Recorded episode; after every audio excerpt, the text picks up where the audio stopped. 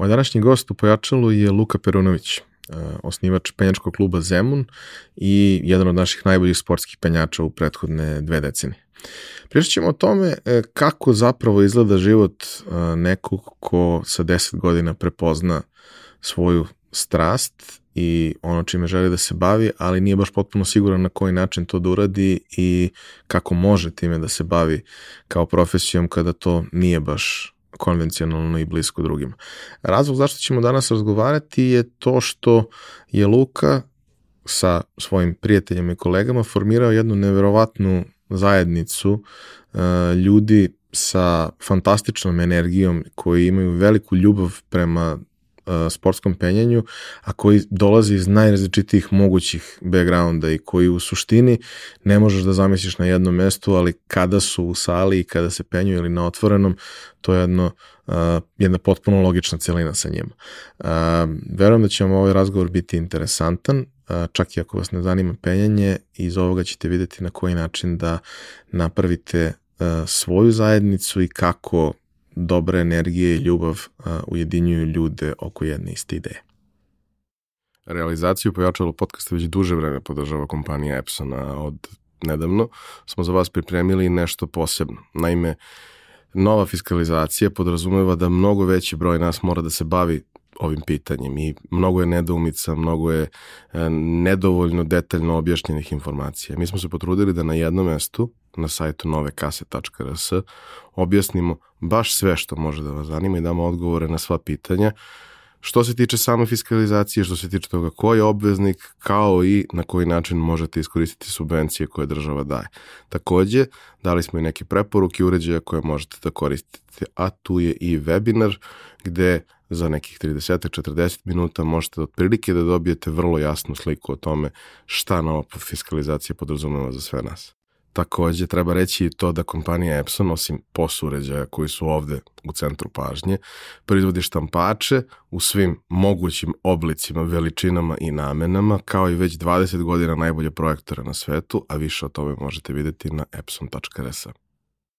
Za slučaj da želite da nas podržite vi individualno, možete da posetite link u opisu podcasta na platformi Buy Me A Coffee i tu možete kupiti mesečnu pretplatu ili jednokratno donirati neki jednost koji želite. Hvala vam unapred na tom.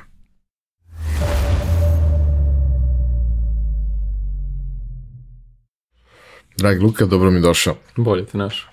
Uh, Ti si uh, jedan od onih čudnih ljudi koji imam tako s vremena na vreme čast da upoznam u životu, koji rade tako neke ne baš meni najjasnije stvari, ali uz tebe postoji toliko jedna nevjerovatna količina pozitivne energije i uh, kada je naš zajednički prijatelj, a tvoj član kluba, Luka Pejović, uh, pomenuo da bi trebalo da se upoznamo, popričamo, ja sam bio u fazonu, ok, što da ne znam koliko njemu znači da. to što je penjač, hajde vidimo ko je kriv, mislim, ko je odgovoran za to sve.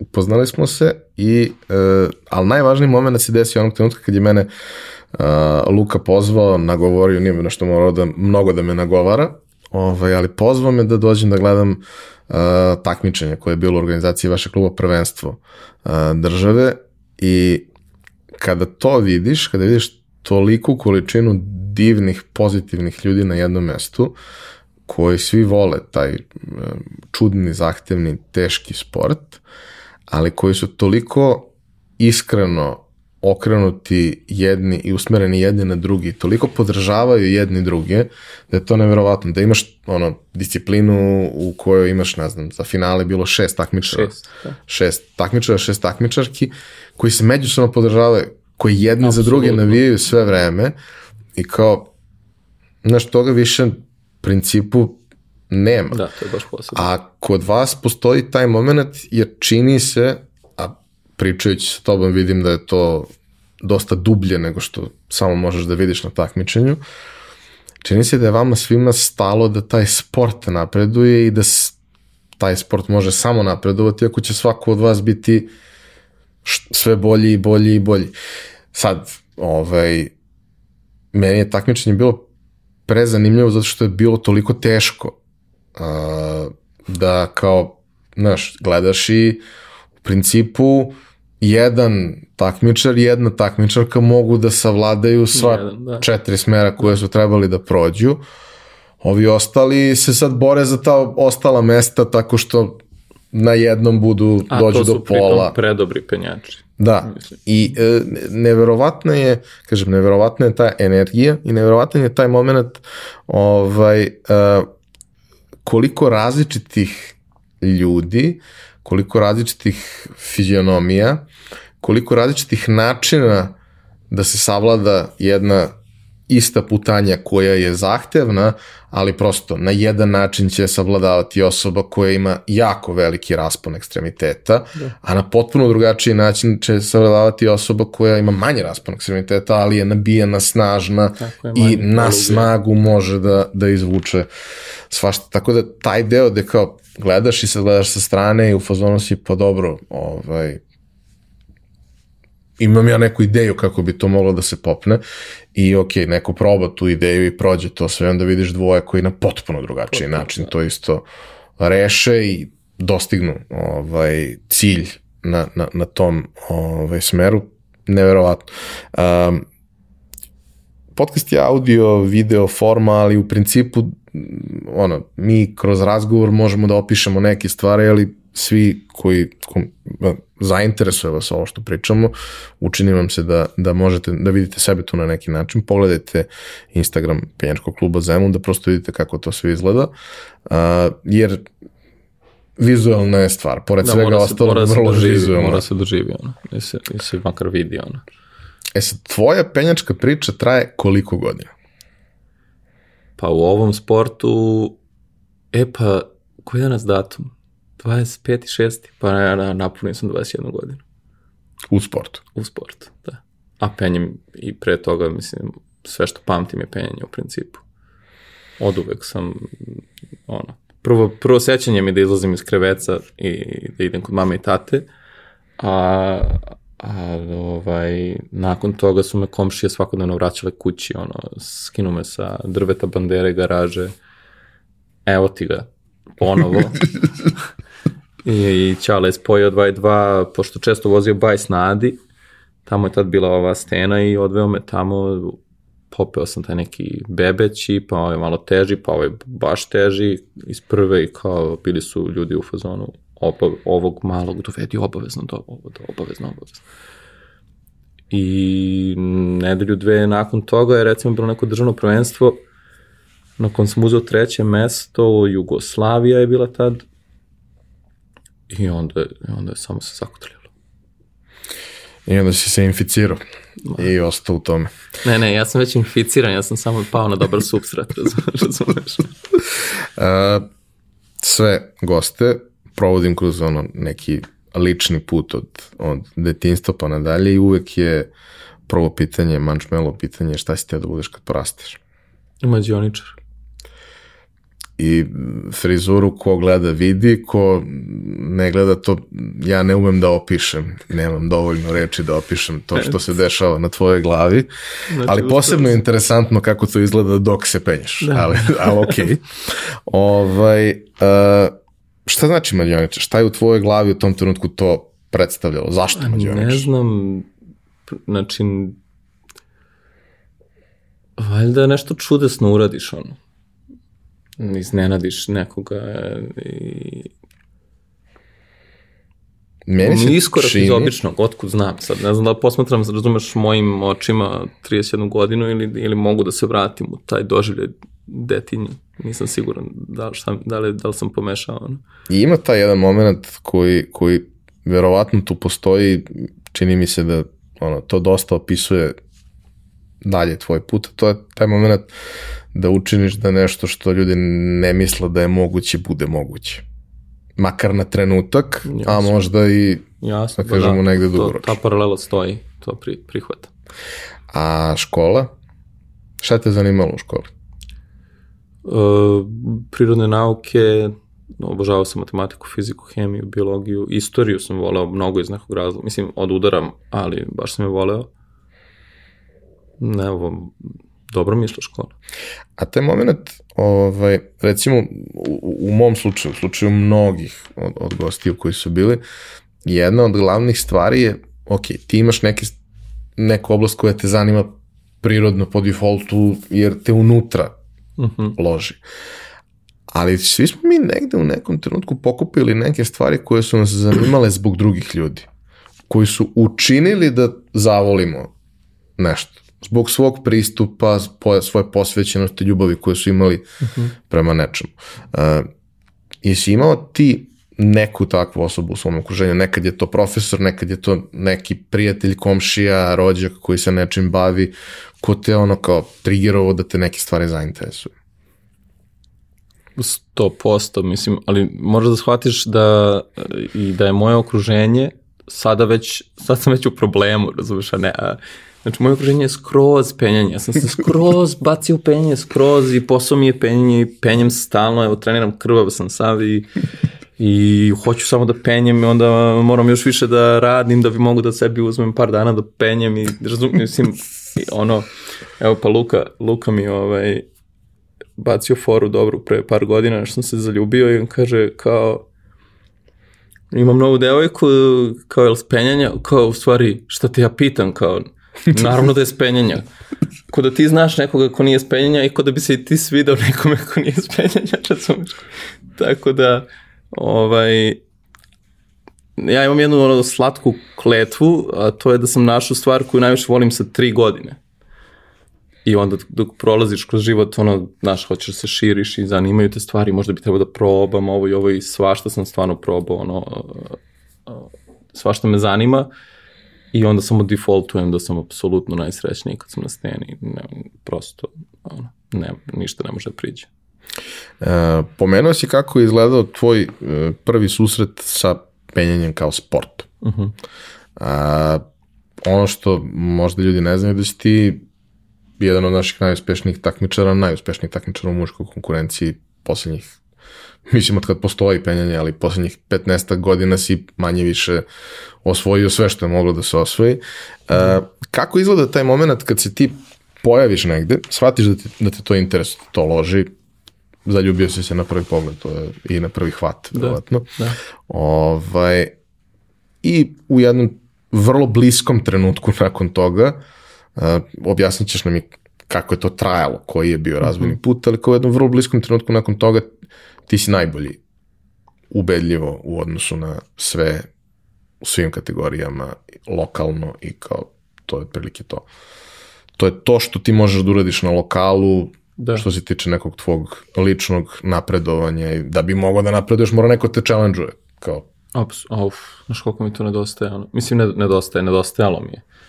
Hvala Bogu, stigli su me neki ljudi, pomožemo dobro da treniramo zajedno. Ono ali, ali tada to je, mislim, ono, klasična priča, velika riba u malom jezeru. Ba, znaš šta, mene je zapravo napalilo ono u početku što ima broj, na tom takmičenju da sam ja broj 3, imaš broj 2, imaš broj 1, razumeš ono, i prosto, ok, ajde sad da vidim šta treba da uradim, da ih stignem, kako su bolji, gde, gde bolje koriste tehniku, zašto je ovaj jači, i to te prosto jedno prirodno kako se to, ono, a zdrav takmičarski duh, a? ovaj, i malo po malo, razumeš, ba, baš sam grizao, sećam se, eno, primjer, to je razlika, imao sam taj drive, zato što znam, vidim da može bolje, kapiraš, kad ne vidiš da može bolje, onda si onako malo si u mraku, mislim, zato što prosto imaš taj tunnel vision koji teško iskočiti iz svoje kože. Ono. Naprimjer, kada treniram, ja sebi pravim smerove, što znači da ću sigurno napraviti smer koji meni više odgovara nego neko drugi, razumeš? I onda probam to da slomim, probam da pravim svoj anti-stil, ali i dalje to, to nije to. Ali to je kapiram, mislim, to je kapiram problem svakog šampiona, mislim. U kom trenutku si ti ono, došao do, do tog mislim sad, najvišeg rezultata lokalnog koji možda Mislim da je 13, 13 godina, slagaću te. Bio si apsolutni prvak u svim kategorijama. Apsolutni prvak Srbije i Crne Gore. Znači sve kategorije, svi, ono, muško, žensko, sve kategorije od dece do seniora penju jedan smer. I ja sam popeo smer. I to je to.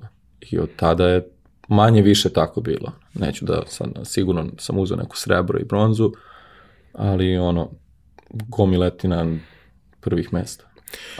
A kako izgleda kad prvi put izađeš iz okvira onoga što se dešava ovde i odeš na neko malo zbiljnije takmičenje? E, onda, na primjer, na desetom hvatu ne znam, vidim nešto što apsolutno nikad nisam video, ne znam kako se to drži i ne umem da uhvatim nešto što sva dečica samo pre, pretrče. Tako je to izgledalo.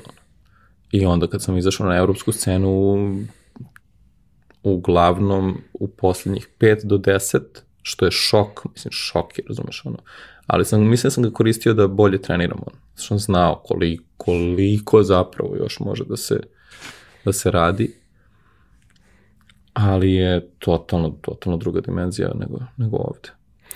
Um, pričamo o sportskom penjanju koje je postalo olimpijski sport, uh -huh. u kome mi imamo takmičarku koja je za malo za dlaku. Ovaj, za dlaku. E, ispustila Tokio, odnosno propustila da, da se plasira u Tokio i zbog povrede i tako dalje. Pitanju je Staša Gejo iz Niša koja je ono prethodnih godina osvajala i medalje na svetskim i evropskim prvenstvima, koja je jedna od najboljih takmičarki na svetu. Očekujemo i nadamo se da će u Parizu, da će u Parizu biti bolje, ali hajde prvo da objasnimo ljudima kako izgleda uopšte sportsko penjanje. E, šta ono podrazumeva koje su discipline, kako one izgledaju, uh, šta su specifičnosti svake od disciplina i uh, šta se desilo posle sa olimpijskim igrama, ali o tome ćemo kasnije. Kako izgledaju discipline? Dobro, znači imaš tri discipline, težinsko, brzi, ne, da, težinsko, brzinsko i boulder. Težinsko penjenje podrazumeva jedan dugačak smer od, ne znam, 20, 30, 40 pokreta i tu se penje sa užetom, znači takmičar se uveže i dok penje smer, on se tim užetom kači u neko međe osiguranje. I sad svaki hvat koji on uhvati ima svoj broj, ono, 1, 2, 3, 4, 5 i postoji još recimo, i to ti je rezultat, uhvatio si broj 5, na primjer. I postoji još jedan rezultat da si uhvatio 5 i napravio pokret ka šestom, to je 5 plus. I to je cela, ono, cela priča za težinsko penje. Mislim, to je već ono endurance, znači izdrž, izdrž, snažna izdržljivost zapravo je potrebna za to i tu su ovaj, više nekih problema kon, ono, koncentrisanih su rasuti po smeru i ti treba da ih savladaš usput. I svaki put je drugačiji smer. Na svakom takmičenju na sva, ne, apsolutno. Što se toga tiče, penje je naj, naj, najraznovrsniji sport na svetu, ja ne razumeš, znači meni ni jedan trening nije isti. Samo trening, dosadni trening, kao, razumeš, takmičenje ne postoji sličnost, malte neko, koliko diverzitet možeš da napraviš, ono. I recimo da smo time završili težinsko, a? To, recimo. recimo. Dobro. Boulder disciplina, penje se iznad strunjača, to je glavna razlika, znači nema nikakvog osiguranja, mislim, osim strunjače, naravno, ali se penju kratki, izuzetno koncentrisano teški problemi, ovaj, znači visine recimo 4-5 metara, gde, gde si ceo onaj smer od 30 metara spakovao četiri pokreta. I to je, to je ono vrhunac toga šta čovjek može da izvede u penju, što se tiče kao single pokreta. I to je u principu najzanimljivija disciplina. Iako je moja omiljena težinsko lično, da kad bi ja se takmičio, boulder je prezanimljiv. Pre, preludi su ljudi što umeju da naprave kao problem, znači to je, To je Definitivno je, ovako kad gledaš sa strane, najzahtevnija, Absolutno. zato što nemaš toliko među koraka. Nemaš način da odrediš ako ne napraviš nekakav ozbiljni rezultat. Imaš samo nekoliko hvatova koji, koji postoje i u suštini imali smo na, na tom takmičenju, smo gledali penjače koji su vrlo iskusni, ovaj, koji vide sada novi zadatak i nisu sigurni kako uopšte da krenu. Da, da, da. Jer kaže, postoje različite fizionomije ljudi koji, koji se takmiče. Neki su vrlo uh, vretenasti dugih ekstremiteta, kao na primjer ti. Nisu svi penjači takvi. Prosto ne možeš da utičeš na to kakva je tvoja tako, fizionomija. Tako. Neki penjači su uh, kraćih ekstremiteta, niži jer su nabijeni snagom izuzetno i onda na snagu pokušavaju da izvuku neke stvari, uglavnom uspevaju, ali na potpuno drugačiji način drugačiji. rešavaju problem koji postoji. Bilo je nekih potpuno impresivnih momenta šta ljudi uspeju da iznesu na, na rukama, prstima i noktima. Ovaj, uh, ali to da zapravo od, ne znam, uh, finale u, u, u Boulderu koje sam ja gledao ima šest takmičara i šest takmičarki. Uh -huh. Takmičarke pije penju jedan smer, takmičar je penju drugi da. smer. Iskreno da budem gledajući sa strane, na momente ovaj, smer koji su pele, odnosno smerovi koje su pele žene su bili teži. Teže za izvesti. Potpuno drugačiji od muških. Triki više. Ali su bili mnogo komplikovaniji i to, to. mnogo negde zahtevniji za, za uh, manipulaciju celim telom. Jel, tako, to je ono što, što je najneverovatnije u, u celoj stvari. Ovaj, ostalo nam je još disciplina da, brzinskog ne, penjenja koja je vrlo karakteristična zato što baš izgleda nerealno, da. kao da ne postoji G sila. Ovaj, ali to kad gledaš i gledaš ovo, to, to nema veze jedno sa drugim. Sport uopšte ne može da se poredi. Ovde uh, svaki, svaki smer, svaki hvat je priča za sebe i potpuno je neverovatno šta ti ljudi rade i opet kažem potpuno... Pritom imaju u vidu da oni imaju, znači, za boulder imaš 4 minuta da uradiš sve što će da uradiš. Znači, ako ti istekne 4 minuta, a ti si u polu pokretu na... To smo imali znači ne ovom prošlom, nego pretprošlom, dečko je uhvat, znači dečko je uhvatio top, poslednji hvat i dok, dok je s drugom rukom dolazio, isteklo je vreme i ne važi se, što možeš da držiš sa, sa obe ruke. On. I onda ti imaš nešto neverovatno fizički zahtevno, imaš pritisak publike i imaš četiri minuta da, da pogodiš pravo rešenje od tri rešenja koje su ti u glavi. Ono. Tako da, mislim...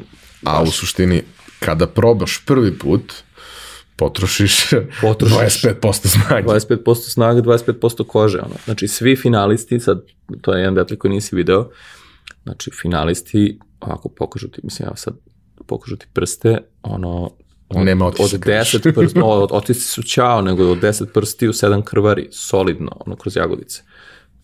Razumeš?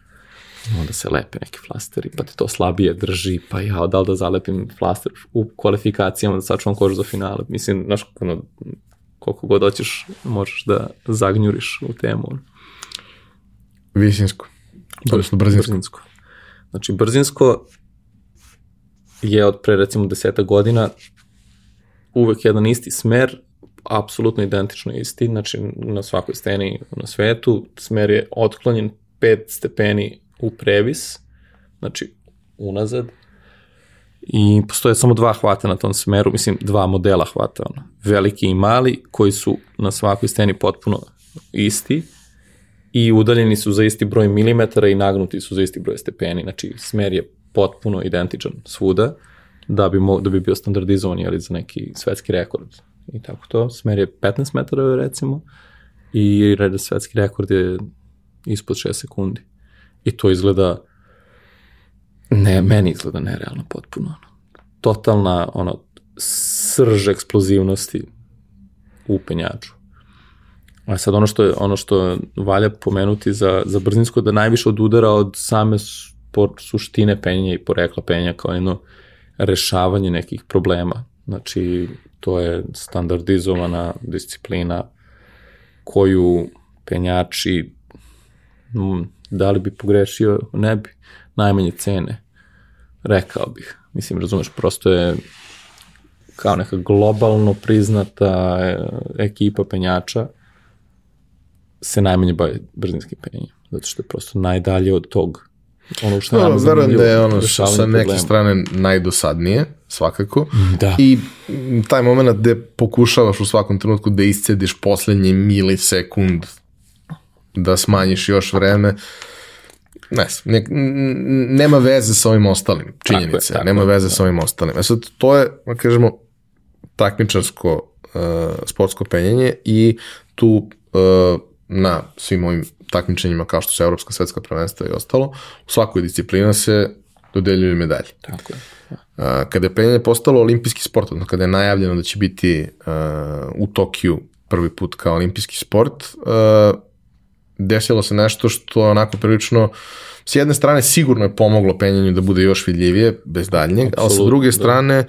desilo se nešto što baš nije hm, uobičajeno, prirodno za taj sport, to je način na koje su deljevane medalje, odnosno uh, očigledno nisu mogli za prvo učešće na igrama da, da dobiju upravo, sve što to. treba i da dobiju mogućnost da takmičari svaku u svojoj disciplini osvoji medalju, jer bi to podrazumevalo da se dodeljuje On još dobija tri medalje od tri jednom. muške, tri ženske i tako, tako dalje. I onda se desilo nešto što je onako bilo dosta čudno. Mislim, bilo je zanimljivo gledati penjanje. Opet odgledao sam kako je to sve izgledalo. Ali nisi ali, razumeo bodovanje. Nisam razumeo bodovanje, da. a nije mi bio prvi put da gledam. Pa ako možda nam objasniš kako je izgledalo. Ajde ako mogu. Ovaj. Znači, Olimpijski komitet je dao uslov da, mislim, svo penjanje ima samo jednu medalju, kao što smo rekli, i onda niko nije hteo da bira koja će to disciplina bude, da bude, nego smo napravili taj kombinovani format, uh, koji ukratko, znači, najbolji rezultat ima osoba čiji proizvod rezultata je najmanji. Znači, u prevodu, ako je neko prvi u jednoj disciplini, drugi u trećoj disciplini i recimo deseti u šta sam rekao, treća disciplina, šta god, znači on ima 1, 2 i 10, 20 ni njegov proizvod i to je njegov rezultat. I sad treba imati što manji rezultat. Što ja stvarno nisam siguran da adekvatno predstavlja ko je najbolji, mada je opet jako težak zadatak za izračun, za odrediti ko je najbolji u tako raznovrsnim disciplinama. Ali ono što je bio problem možda najpraktičnije prirode nisi mogu da pratiš dešavanje, zato što ako neko prosto, ako neko u jednoj disciplini se pomeri za jedno mesto u napred, svi su potpuno promenili svoj rezultat. Razumeš, znači ako sam, ako, ako, ma da, pa to je to. I onda svaki takmičar koji nastupa potpuno izremeti celu tabelu, potpuno. I to je bio ono, ali ja to posmatram kao nužno zlo. Olimpijski komitet ti je dao zahtev, prihvatio si zahtev, napravio si prvi put tako i sad već u Parizu su odvojene discipline. Znači, bit će zajedno, ako se ne varam, bit će zajedno težinsko i boulder, koje su mnogo, mnogo više srodne discipline i često takmičari učestvuju u, u obe. I sa strane će biti brzinsko, da bi već na sledećim olimpijskim igrama sve tri bile razdvojene. Tako da super, mislim, samo malo strpljenja, to je eto ga. Kako je izgledao dalje tvoj takmičarski put? Znači, onaj neki trenutak kada si apsolutni šampion, malo izgubiš neki drive za, um, za rezultatima. Dobro. Sa druge strane, kada odeš na, na veliko takmičenje, deluje ti čini mi se predaleko i nedostižno to sve. Da, da. A, imao si priliku da vidiš svašta, da probaš svašta. A, I kao, u kom trenutku si našao šta je tvoj, tvoja vrednost koju hoćeš da dobiješ od penjanja? U kom trenutku si skapirao kao, ok, dobro, jedna stvar su medalje, jedna stvar je to sve, ali ono što mene zapravo loži nema toliko veze s tim. Pa mislim da je to negde na fakultetu bilo ono, mada me to dugo već um, jurilo, kako ti kažem, dosadno mi je bilo dovoljno takmičenje, razumeš, znači dosadno mi je da znam da ću to da najverovatnije, ako se ne okliznem negde, budem prvi i da ceo vikend provedem negde u nekom gradu da penjem dva puta. Pa sam se prešao to na prirodnu stenu.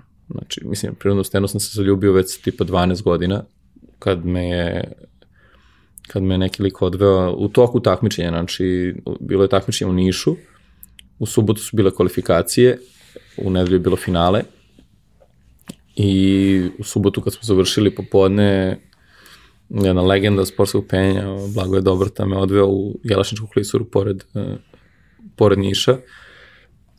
Na prirodne smerove, postavio mi prirodne smerove i ja sam svu kožu ogulio, znači ono popeo sam sve što sam mogao i onda sam penio još istih tih smerova, čisto toliko je meni to lepo. u, ono, pogled puca, pre, o, eksponiran si neverovatno, mnogo dobro. Ovaj, sutra ništa nisam uradio u finalu, ali nije bilo bitno. Tu sam, I onda sam se paralelno razvijao i kao takmičar i kao prirodni penjač, da bi nakon recimo 14-15 godina tih rezultata dobrih ovaj, odlučio da se prešaltam na nešto što je samo jedan beskonačni izazov, što je prirodna stena. Uvek imaš teže, uvek imaš nešto što ti deluje potpuno nemoguće, pa ga uradiš, pa samo se reciklira proces. Jedno veoma samo, samo održiv put. Ali taj moment, e, da, suštinski, da postoji sa jedne strane taj takmičarski sport koji je ono, u nekakvim kalupima, bez obzira na sve varijacije Absolutno, koje postoje, da. penješ veštačku stenu, sve što radiš je namešteno. prilično veštački namešteno. Namešteno ti bude teže, ali na kraju dana niko ne može da ne se komplikuje ko priroda, verovatno. Da, da, da, da. Ovaj, I postoji ceo taj svet koji je penjanje prirodnih stena, ovaj, koji je onako, mislim, i, i, i kroz, da kažemo, neke životne priče ljudi, kroz fotografije, kroz sve ostalo, neuporedivo atraktivniji. Da. Ovaj, I taj moment da si ti suštinski jedno sa prirodom u, u, u, u tom procesu, da nemaš nikakve ograničenja. Ograničenje je da tvoja da energija, ti... tvoja snaga i ono koliko ti treba da se potrošiš da, da više ne možeš, a kao suštinski ne postoje nikakva pravila, ti postavljaš sva pravila. Uh, kako izgleda, da kažemo, krenuti se ka tome? Nemaš više tu vrstu uh, stege da moraju nekakvi resursi da postoje i to su resursi postoje priroda postoje napravi. resursi mislim postoje resursi u smislu da taj smer koji se penje treba da se opremi tom nekom opremom koji se zakuca u stenu i koja to drži život i treba da traje ali mislim mi smo baš kako da kažem penjači su entuzijasti svako će da odvoji 100 evra iz svog džepa da napravi sebi smer ne sebi greška velika greška svima Znači svaki smer koji je postavljen za sve i on je svačiji, nije ničiji, razumeš? Tako da, ovaj, resursi su postojeći, ali ne ograničavajući. E, jedna od stvari od početka, dakle, pričamo da ti danas vodiš penjački klub Zemun. Da. Penjački klub Zemun je poznat po steni u Zemunu koja je napravljena na, na Keju i koja je ono, jedan od landmarkova ovog grada. Posebno leti kad ima raznih šarenih ljudi koji Tako se je. veru po, po toj steni. Uh, kažemo, to se negde dešava manje više u isto vreme, pa ću te prvo pitati za faks, a onda za, za, za, za dalje, dalje neku mhm. priču sa penjanjem. Uh, zašto te pitam za faks? Zato što je tvoja priča s fakultetom onako prilično neobična, ne, ne, mislim, generalno ko, kogod te video, ovi što slušaju šta da im radim, ti si generalno ovako dosta neobičan jedan mladić. Hvala ti. Ovaj, e, kako si odabro šta ćeš da studiraš i zašto baš to? Pa vidi, znači, postoji par faktora. Uh, Prvo išao si u devetu, što znači da si bio geek. Da, da, da, tekako. Drugo najteže je.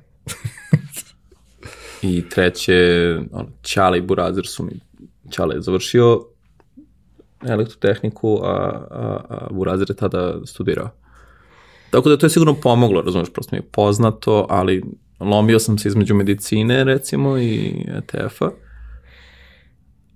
I onda me kuma, koja je medicinska sestra, izmolila da ne upisuje medicinu u Srbiji. ok, ajde, onda ETF. Ali to sam odlučio dve nedelje pred upisom. Ja sam seo i udri, udri, udri, udri, upa. A, probao sam i, da, znači, kad sam položio taj prijemni, onda sam otišao na ekonomiju, kao, eto, kao, da imam neku rezervu ako upadnem na budžet tamo i onda sam upao na budžet na oba i onda sam odlučio ETF.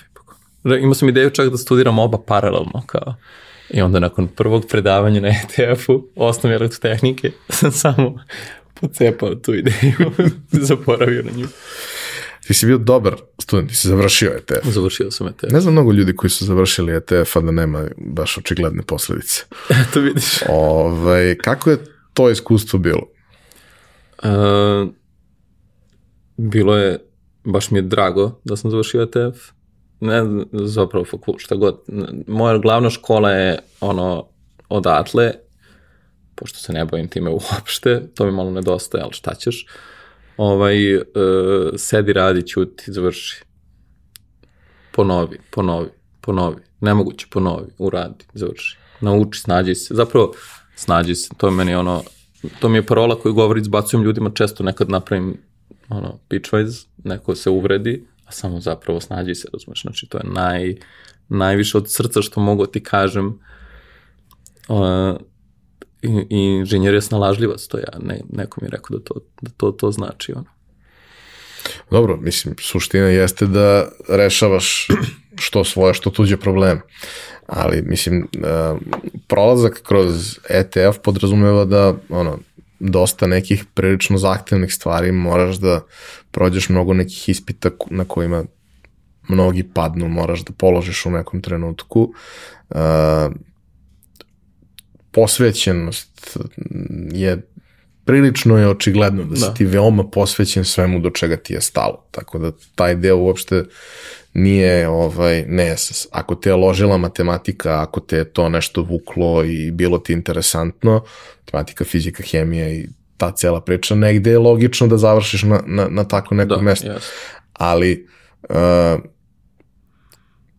znaš, redki su slučajevi ljudi koji upišu tako nešto, a da u principu nemaju ni u jednom trenutku jasnu viziju, ideju, želju da se time bave. E, to, to je ono, znači, malo pre sam ti to pomenuo, pre nego smo krenuli da snimamo, ono što kad sam ja provalio da nešto tu nije baš, jeste da ja ne delim tu pasiju, pričam sa kolegama sa faksa i sad sve smo iste ispite završili, naravno ono, na istom smo mestu u studijama i oni su već kao, gde ćeš na praksu, u, čuo sam da bi mogao ovako, a šta ima na polju, a ja a ja ono negujem kožu na prstima nakon treninga i ne mogu da, da se uklju, ni ne želim da se uključim u takvu priču.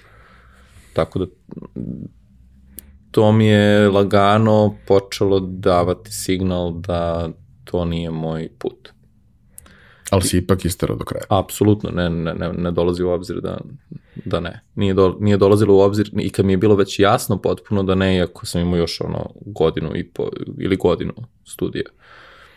Zato što počni završi on. To je to.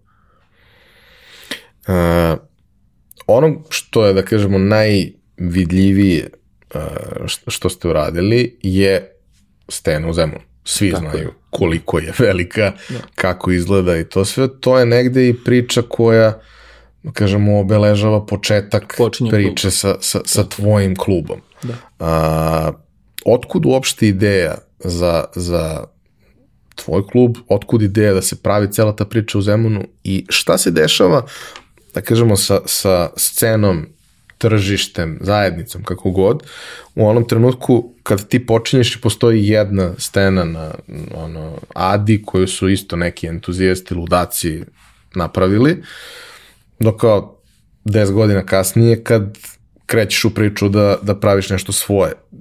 Obično, ono, ta količina entuzijazma obično dolazi iz toga što svako krene da vuče na neku svoju stranu i to je način da se raširi cela da. priča. Da. Ti si baš povuku junački, okej, okay, ali nisi jedini. Kažemo, zajednica je rasla tako što je svako ko je napredovo imao potrebu da napravi nešto svoje.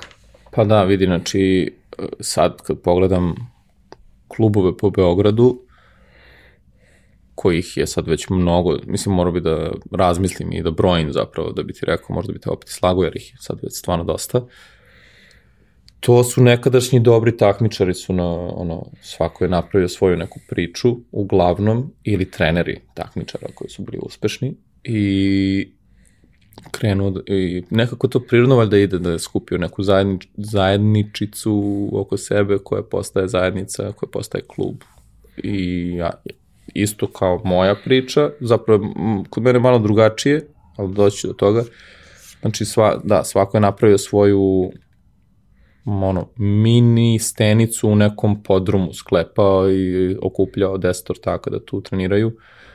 Pa kad je došao 15 i kad je došao 20 onda su morali malo povećaju priču, mislim, i, i onda i tako je, tako je sad poraslo ovo što je sada, sad je poraslo dotle da svako skoro koga sretnem je, svako zna šta je penjanje, tačno, nije više planinarstvo i alpinizam i ono gore koji si najveći vrh osvojio, razumeš te neke, nego zna šta je sportsko penjanje.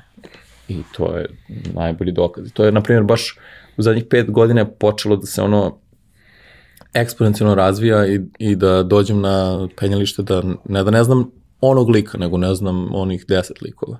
Nikad ih nisam video što je bilo potpuno nemoguće nekada. A, Nekad su se svi ljudi sa diagnozom prepoznavali među se. Prepoznavali, ne prepoznavali, prepoznamo se i sad, ali, ali smo se poznavali.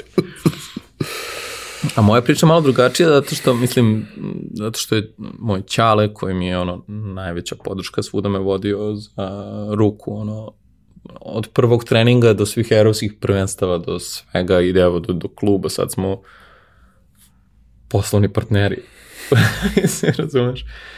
Ovaj, on je 2009. osnovao klub i 2010. je napravio ovu stenu u Zemunu. Zapravo konstrukciju smo tad postavili, pa smo onda oplatu radili još tri godine svojim rukama. I to je bilo malo onako, e, evo ti klub, snađi se, i ja kao, op, sa 19 godina, ono, i lagano, korak po korak, ono, učio, radio, tu stenu smo pravili, kažem ti, tri godine smo radili na nekoj radionici gde nam je pozajmio prijatelj deo radionice u Luci Beograd, da je pretvorimo u tešku hemijsku industriju, ono, sa onim polijesterom, onim smolama i onim tkanjima, pa se onda gas maskama, baš je bilo zabavno. Ono. I onda napraviš jednu tablu, odvedeš na stenu i zavrneš je na 12 metara. Ono. I tako smo, ono, tri, eto, pa vidi, tri godine, koliko smo je radili, ja nisam imao jedan vikend, malte ne. Zato što sam u radionici, nema šta, mislim, kad god, kad god mogu, dosta žrtvovanja zapravo, sve to pomislim, mogu sam da se šetam na keju sa devojčicom, ne baš briga, ali nisam, ali, ne bi imao, ali nisam. ne bi imao onoliku sten, da, da, da. stenčuku. Da, da. Ovaj, ali taj moment, kao, ajde objasnimo ljudima uh, kako zapravo e, izgleda cela stvar, mislim, ok, videli su ko je prolazio, ko nije prolazio, teško da možda ne primeti. Da. Ali tu postoji onaj moment gde kao uh, ne znaš kao neko ko je sa strane, ne znaš šta sve tu treba da se uradi. Kako treba da izgleda konstrukcija, zašto baš na taj način, kakva je ta oplata, šta ona podrazumeva, e, čemu služi i zašto se baš na taj način radi. Ok, sve je to improvizovano u uslovima koji nisu idealni, ali na kraju si dobio proizvod koji je 110 godina. 110 godina i apsolutno ispunjava sve uslove koji su potrebni da bi mogao stvarno da vežbaš i napraviš rezultat uh, zahvaljujući, zahvaljujući tom. E sad, šta, kako izgleda? Šta je sama stena? Dobro, znači stena je napravljena od modela koji je drug napravio od stiropora i onda smo to onda smo stvarili saradnju sa ljudima koji remontiraju termoelektrane, neka, neka ozbiljna neka ekipa, šta je to, bravarija, da. E, to je jedina pomoć koja nam je, mislim, jedina pomoć, izvinjavam se, jedina stručna pomoć, imali smo mnogo pomoći, zato, smo, zato postojimo, ono. Znači, došli su ljudi, doneli su 4-5 tona čelika na livadu, zavarili je, napravili stenu po strance, došli sa dizalicom i zakucali je u, u temelj. U suštini ta konstrukcija treba da ispunjava niz nekih uslova, da ima određene uglove. Ma, ne, da... to, je, to je sve ono proračunato, radili smo simulacije na vetrove od 100 km na satu, ne 150, ne znam nija šta. I na toj simulaciji stena se vrti ovako oko sebe, ono. Ali, ovaj, mislim, kako da ti kažem, penje nije košarka, zato što ti za košarku treba koš i lopta. I možeš bilo gde, a, a, a Problem ovde je što bilo koji objekat koji praviš moraš da moraš prvo da napraviš ozbiljnu građevinsku neku akciju i da to bude bezbedno za svaku moguću ideju koju ludom penjaču može padne na pamet da šta će da uradi, da sva oprema, kad već pričamo o sceni u Zemunu, znači to se penje na, na koristimo u žariju i svu, on, svu penjačku opremu, to mora da se menja, to je skupo, to ne sme nikad da zakaže, naravno, ni jedan put ikad. Tako da je dosta ono, behind the scenes je mnogo dublja priča nego što, što se vidi na prvi pogled. I baš moraš baš mnogo za sve da paziš i baš su ozbiljne posljedice bilo kakvog tvog malog ne, ono, male nepažnje jer si umoran ili što god, razumeš. Tako da... Dobro, naučete te stvari da malo drugačije pristupaš. I mislim, taj moment, ono, često ima taj, volim mnogo Simona Sineka i celu, uh mhm. -huh. celu tu njegovu i njegov storytelling i način na koji priča o stvarima ima kao ima pitanje koje kao pitanje svih pitanja, odnosno dva pitanja koja se, koja se uvek vrte kada uh, dođe na um, temu za diskusiju pitanje poverenja između ljudi. I to je ono kao, would I trust you with my life or would I trust you with my wife? I u principu osoba koja drži uže je osoba koja, koja veruješ u oba slučaja. Ili makar ono sigurno u ovom prvom. Mora da postoji neverovatno poverenje, posvećenost, svako mora da bude zaista koncentrisan na mnogo više, na mnogo višem nivou te potroši osim samo fizički. Apsolutno, da. Znaš, što je s jedne strane jako teško zahtevno sve, ali je divno. Apsolutno, pa to što si pomenuo na početku da svi takmičari koji sad nazumeš u gomilu sportova će te saplete, ono, takmičar, se podržavaju zato što ti čoveku držiš ono, ok, sad se takmičimo i onda ćemo za vikend da idemo na prirodnu stenu da penjemo i ja ti držim život, brate, stalno, razumeš, znači uopšte nije, znači, znači jedan moment nepažnje i mrtav čovek, ono, ili povređen ozbiljno, ono.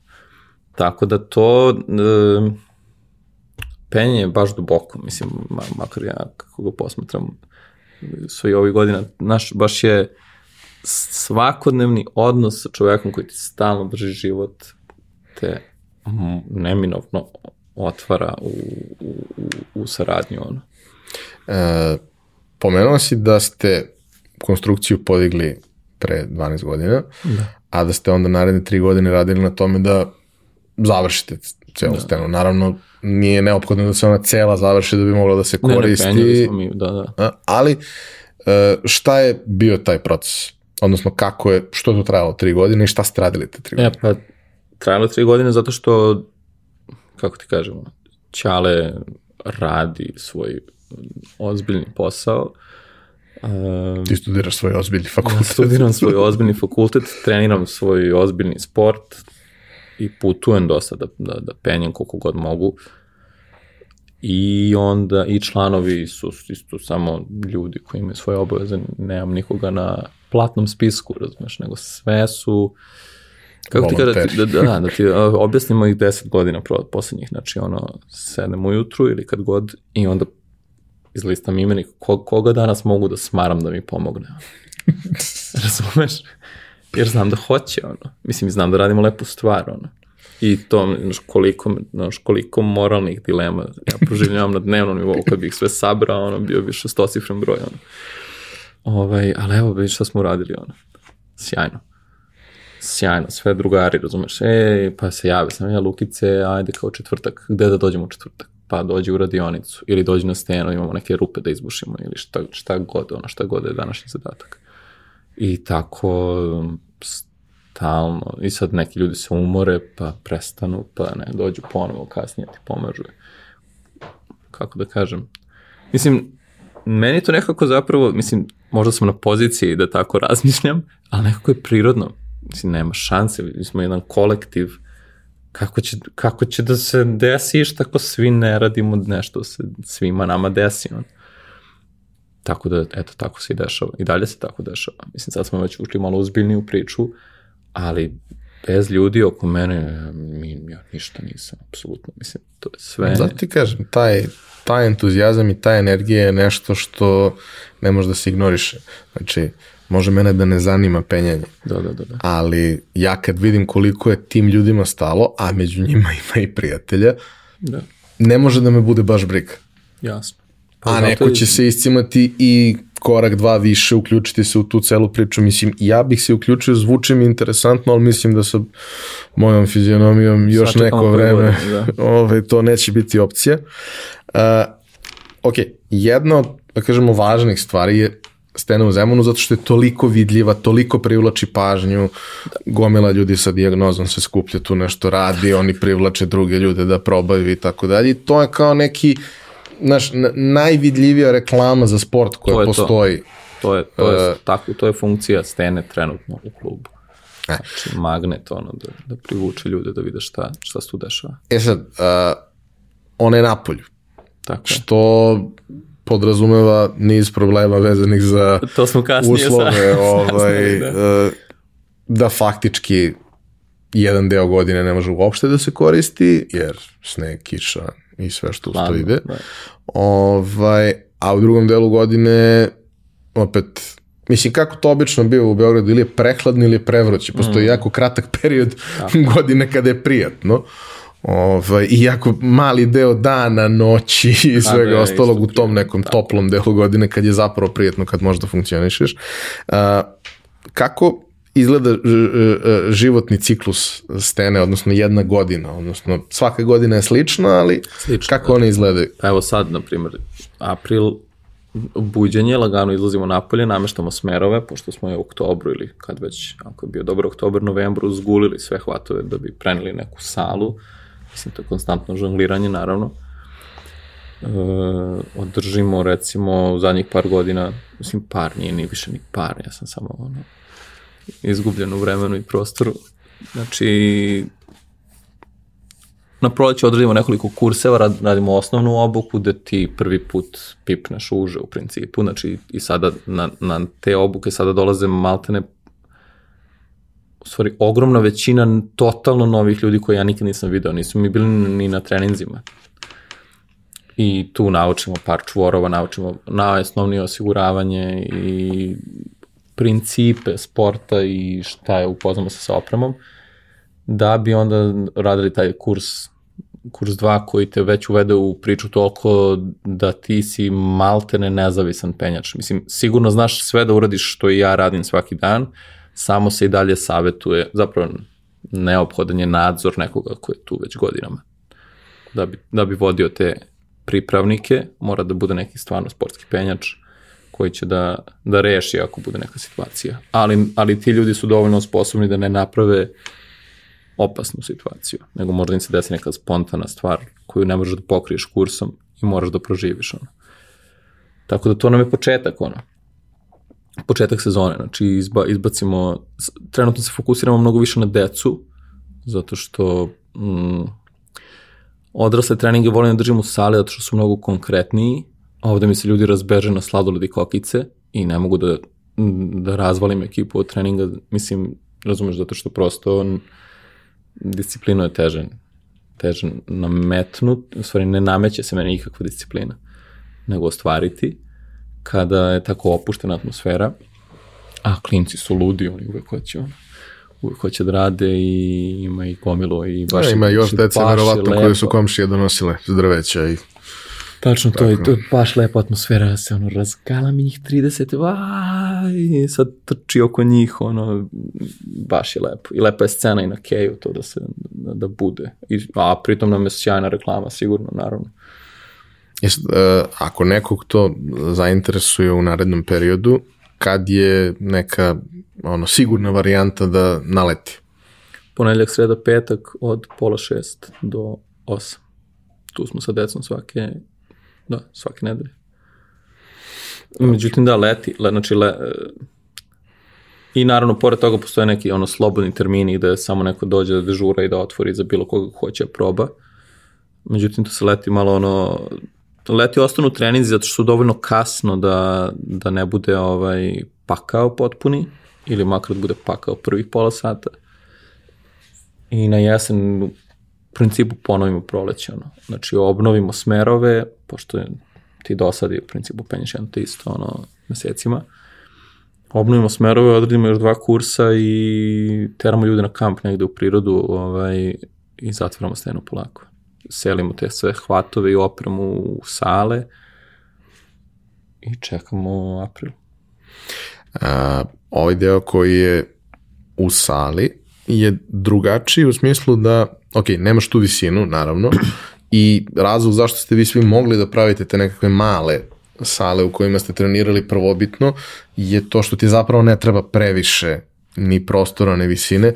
Zakomplikuješ sebi život dovoljno da ti ne treba toga ovaj, previše. Uh, ali jeste interesantno u smislu da uh, u sadašnjoj sali nemaš visinu, ali imaš širinu, što znači da imaš razne opcije, razne variacije šta možeš da radiš.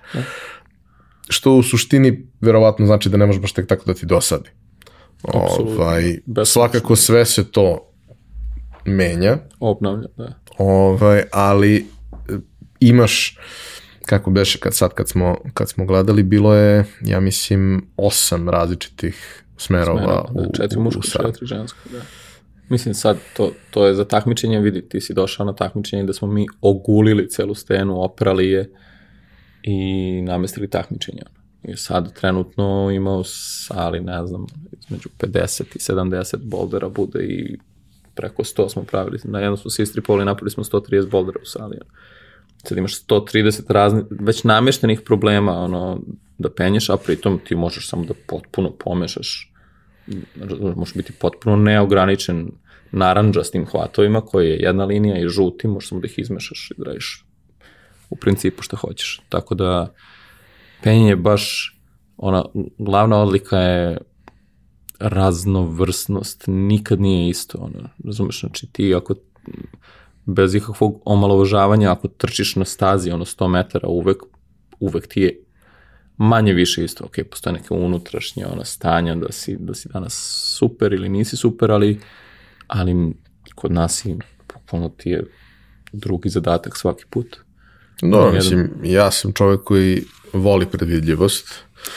Ovaj, ja nisam. Pa vidi se, vidi se, ovaj, ali mogu da razumem i taj moment i meni je negde lep challenge uh, kada uh, izađem iz zone komfora i imam neku uh, prijatnu nepredvidljivost, mm. uh, neki moment gde mogu da malo stvarno upalim mozak i bavim se problem solvingom uh, i to je verovatno kao i, i, i, i dobar deo drajva koji ljudi imaju koji ih drži vezanim uz, uz uh, sam sport.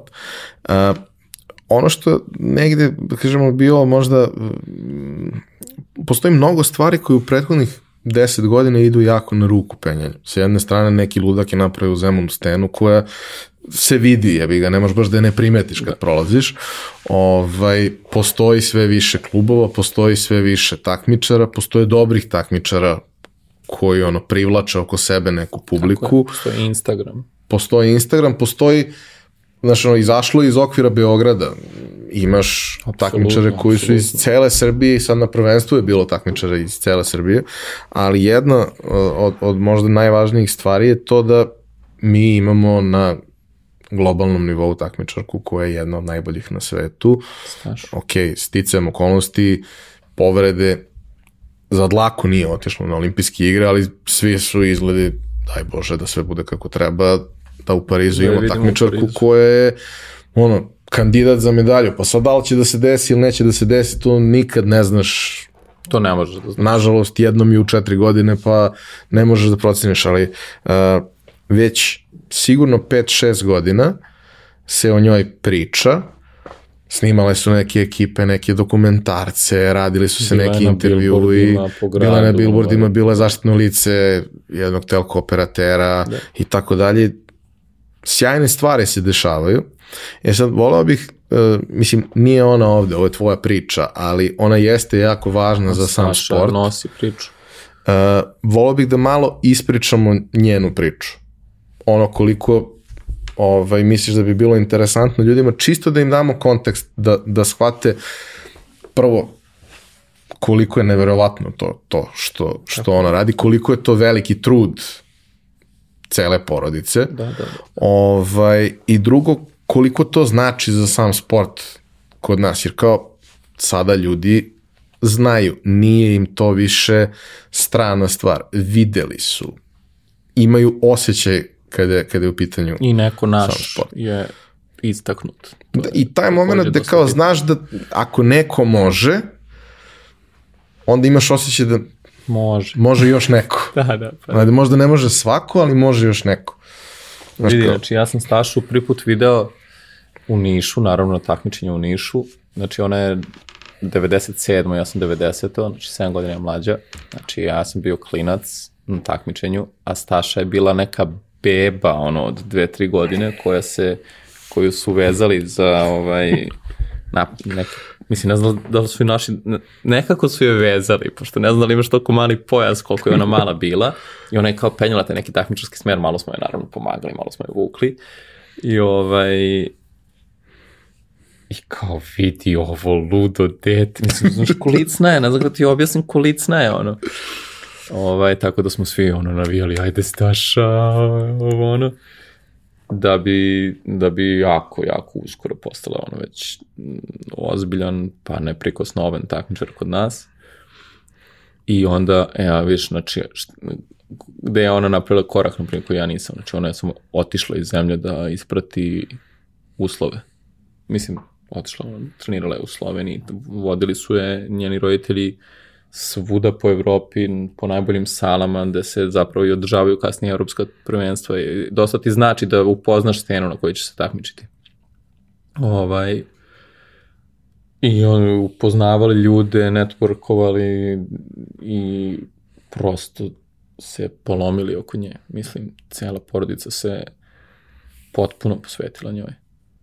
I fantastično je šta su uradili. Ono.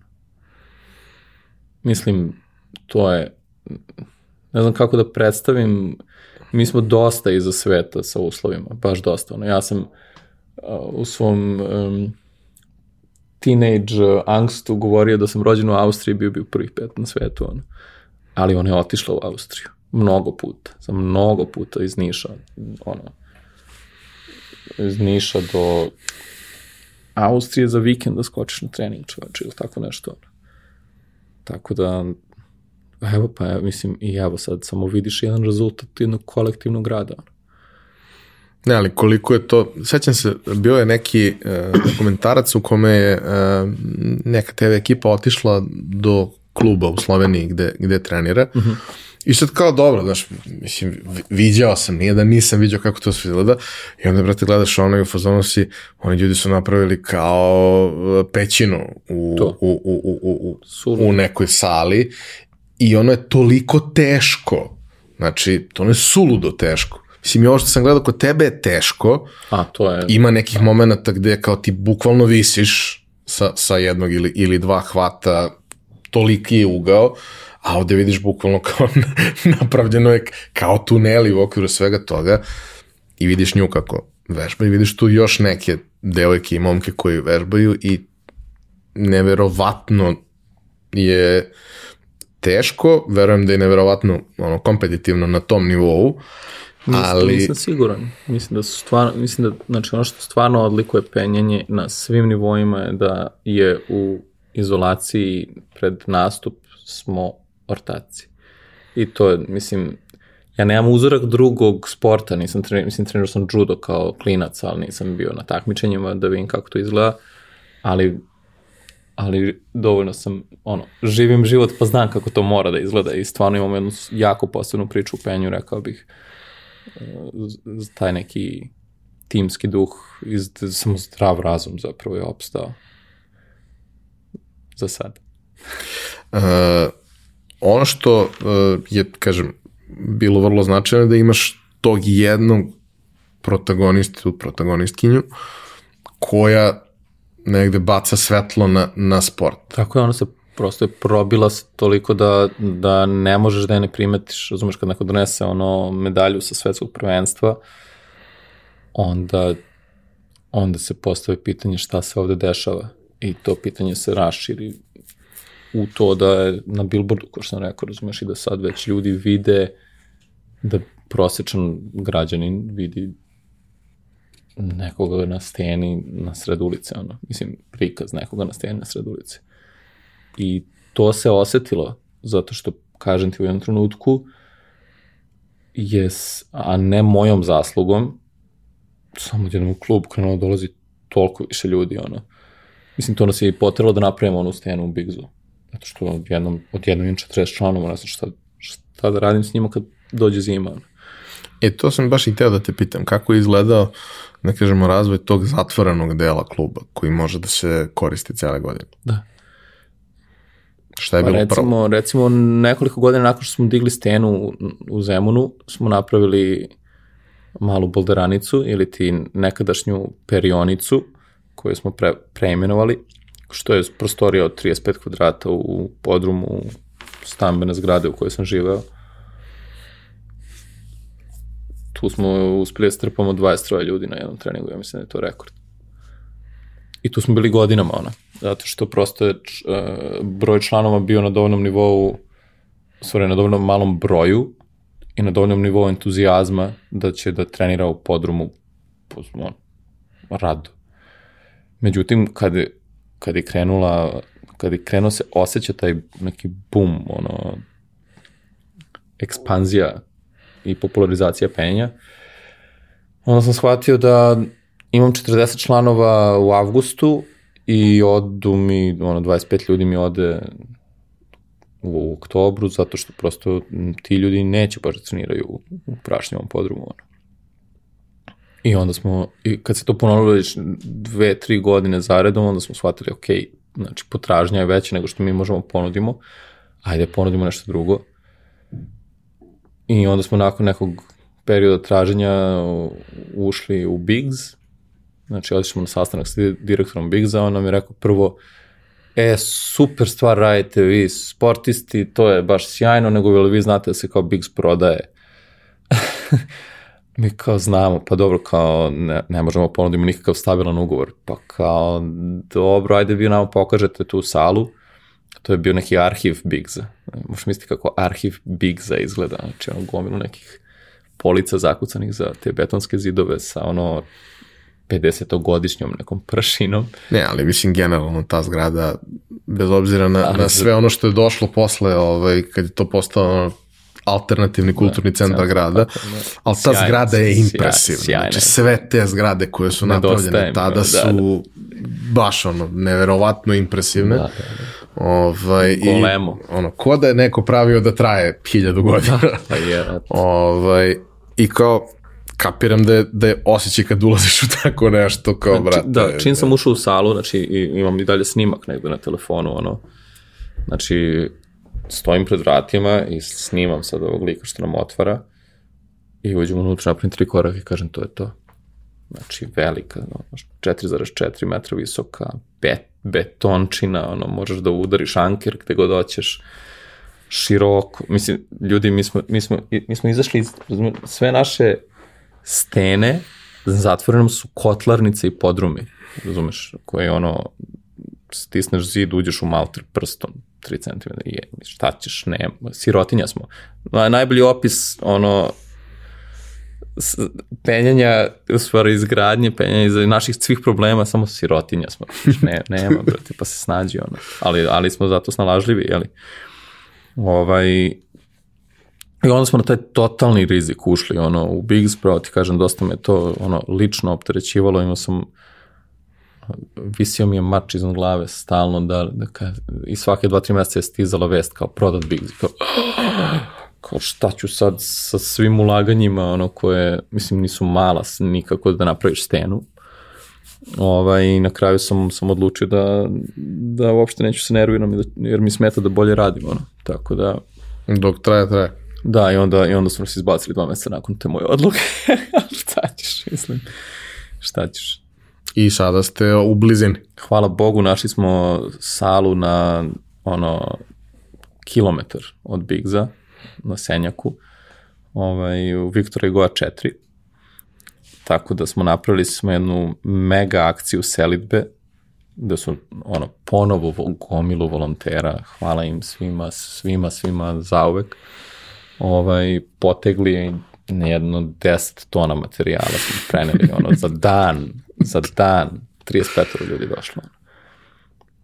I, znaš, onda mislim nekako, kad se takve stvari odvijaju i kada, mm, mislim, ja dosta volim da fil- filozofiram, jeli, ali, ali kad vidiš takvu neku priču i da ti dođe deseti čovek ove godine i kaže penje mi je spasilo život, imate oazu i slični komentari, onda mm, samo guli. Ne, znači, ne, taj ono nivo energije koji ti tako nešto, smi, ne, smisla, razumiješ, znači onda ima, sm, ovo očigledno ima smisla kad ti čovjek iz duše priča šta je ovo za njega uradilo, onda samo mogu da zasučem rukave. Ono. Mislim, desi se da presisam pa da uđem u neki burnout, sad trudim se da balansiram, ali ovaj, m, dobra je priča.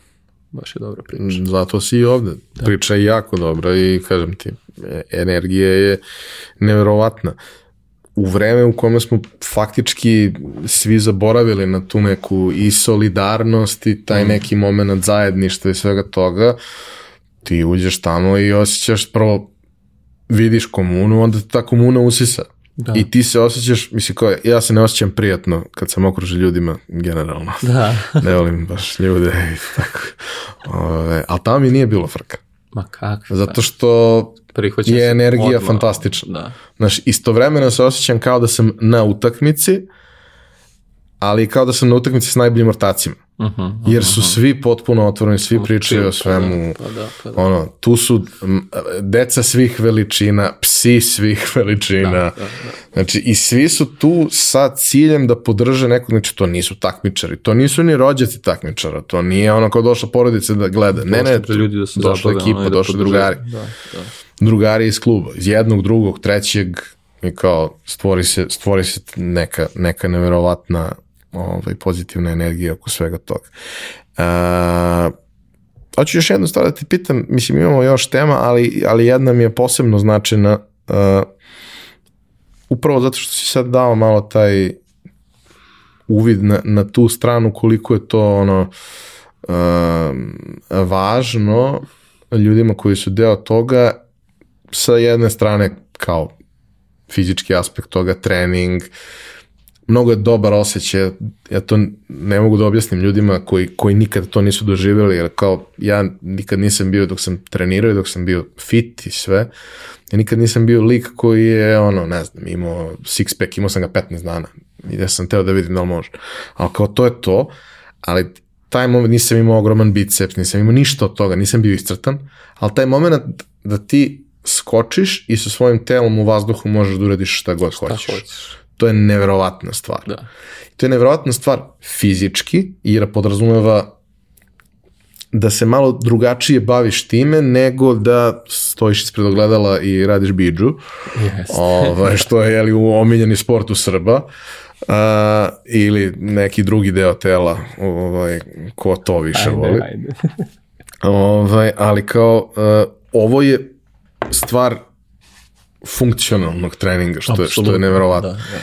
A drugi deo toga je kako se ti osjećaš kada već sve to možeš, hoćeš kako funkcioniše tvoj mozak u tim okolnostima. Koliko je to uh, Zdravo. zdravo, iscrpljujuće, psihički, fizički, a koliko se ti nakon toga osjećaš dobro. Zato što kao, to je kao najbolji mogući trening i za telo i za glavu, a mi u principu izbegavamo da treniramo glavu, generalno. Apsolutno, ali, ali Stena ti ne da. Stena ti ne, ne, ne, ne može da... Mislim, meni baš deluje kao jedna totalno celovita priča. Prvo, fizički aspekt, znači, ok, prsti su kao najbitniji, jer ti to kontakt sa podlogom, stavim i onda podlaktica i onda kao... Mislim, generalno tvoje ruke su, po- potpuno si se preoblikovao. Jesam, pa da, da, def, mislim, profesionalna deformacija, ono. I onda ako širimo priču kao možda je bitnije da vučeš nego da guraš, jer ipak se vučeš, manje se gura, ali opet nekad se nam, razumeš, ali da skratim priču, najslabija karika od ono prsti na nogama do glave će da te izda u tvom najtežem smeru. Znači, da li, si, da li, si, da li ti je dupe preslava, da li ti je, da li ti grudi ne mogu te zadržati, neki potez ili šta god već.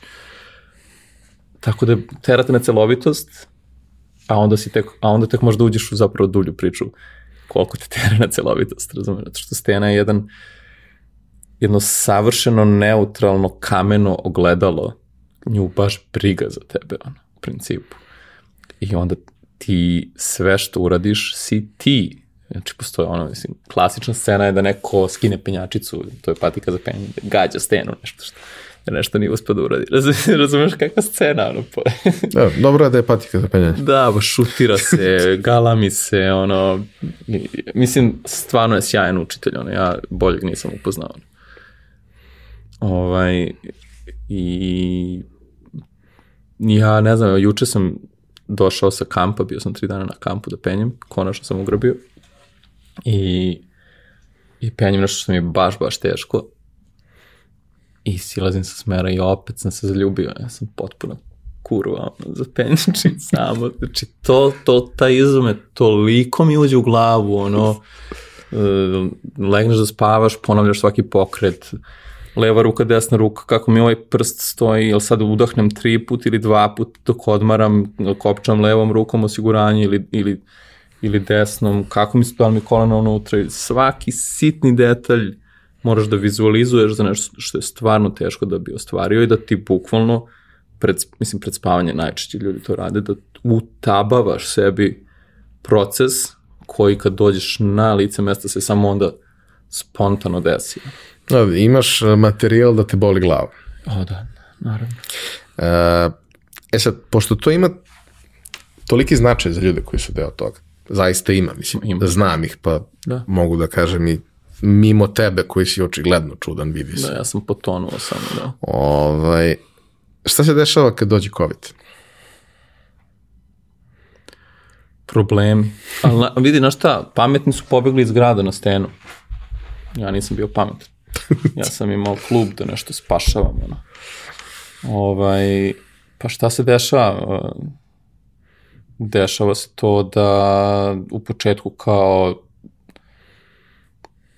gasi zatvora i sve nije bitno, jer kao dolazi neki virus koji ne, uopšte ne znamo šta je, da li će da nas sve potamani ili kako je, stvarno nije, stvarno nije okej okay da sad, razumeš, svi hvatamo rukama isti hvat, pa, pa izdahneš, pa ono nije... Jesu, dosta se diše, primetio Dosta se diše, da, i dosta se i pljuje sigurno i rukama sve razmaz, znaš, nije, stvarno nije idealna sredina, ne možeš, a ponovo ne možeš alkoholom da naprskaš svaki hvat, nerealno je iz mnogo razloga koje uopšte ne moram da objašnjavam. Tako da smo se ono primirili, poštovali smo mere i baš nas je razvalilo ono, u principu samo da još nakon sveg ulaganja u Bigs, onda cela sledeća godina bila disfunkcionalna ona.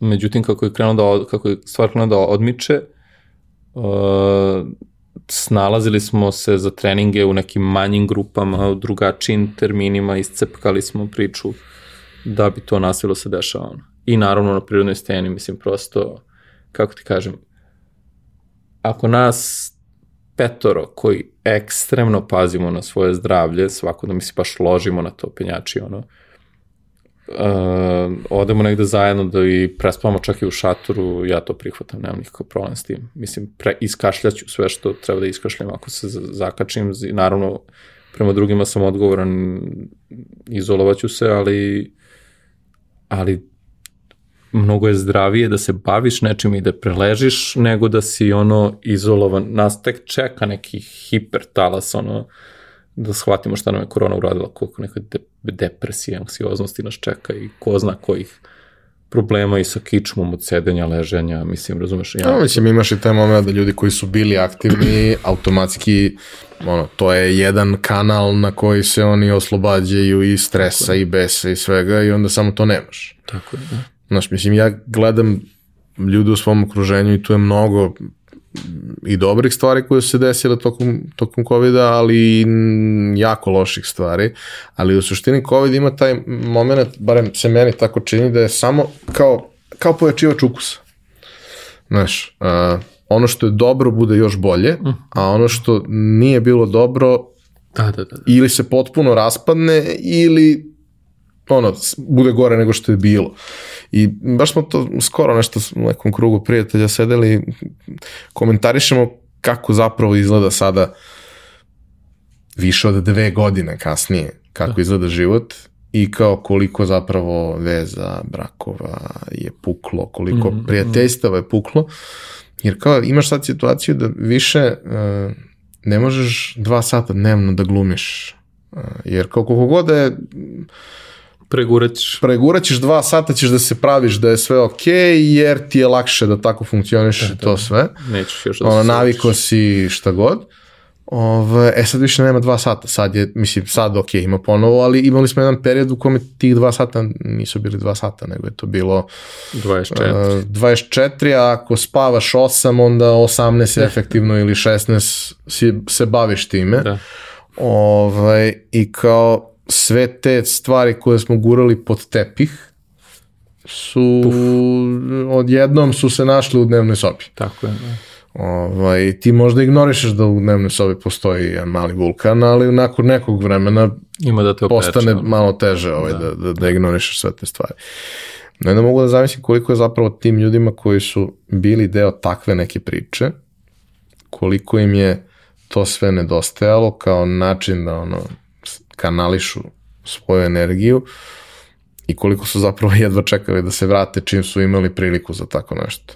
Tako je i bilo. Pazi, uprkos pa što sećaš se kako su ono bile amplitude u zabranama i u potpunoj slobodi odjednom, pa opet sve zabranimo, pa sve može i tako to. I kad sve može, ja pustim da sve može. Ono. I ljud, znači, nevrovatna ekspanzija u sred pandemije. Zato što su ljudi već, ono, razumeš, popucali od sedenja. Tačno to što pričaš zapravo. I, I ja mislim da je to pomoglo da preživimo, pošto mislim kad smo već ušli u Biggs imali smo solidnu stanarinu koja nije stala. Možda su nam jedan dan, ne možda su nam jedan mesec dali pola cene da platimo, na primjer, možda. Možda ne, možda da. Ovaj, ali sve se nekako eto uklopilo. Mislim, dosta te sreće isprati kada, kad se izložiš, kada se ono prosto uđeš u rizik, nije ni, nije ni da se ne dese srećne okolnosti. Ono. Tako da nismo nešto i propatili sa članstvom što, što se tiče korone. A, a rekao bi baš suprotno, jeli? A dobro, mislim, postoji razlog zašto je to bilo tako, znaš, to ti je isto je onaj moment gde ljudi počnu malo više da pričaju o tim stvarima i onda vide u svom okruženju da je neko okej. Da. Dok se svi ostali raspadaju, neko je okej, što si ti okej, zato što sledeće nedelje krećem ponovo da penje. Tako, tako, da. Ali dobro. A, e sad, a, ajde da se vratimo samo na, na, na aspekt sporta kao takmičarskog sporta. Mhm. Jedna stvar je to što je to divan hobi, zanimljiv, što ima svoju, ovaj, svoje manifestacije u zatvorenom, otvorenom i tako dalje u prirodi. Ali mm, jedna od stvari koje jesu bitne je i taj takmičarski deo cele priče. Takmičarski deo, da kažemo, poslednjih godina postoji značajan napredak u svemu što se dešava, postoji napredak i u količini resursa koje su na raspolaganju. Da.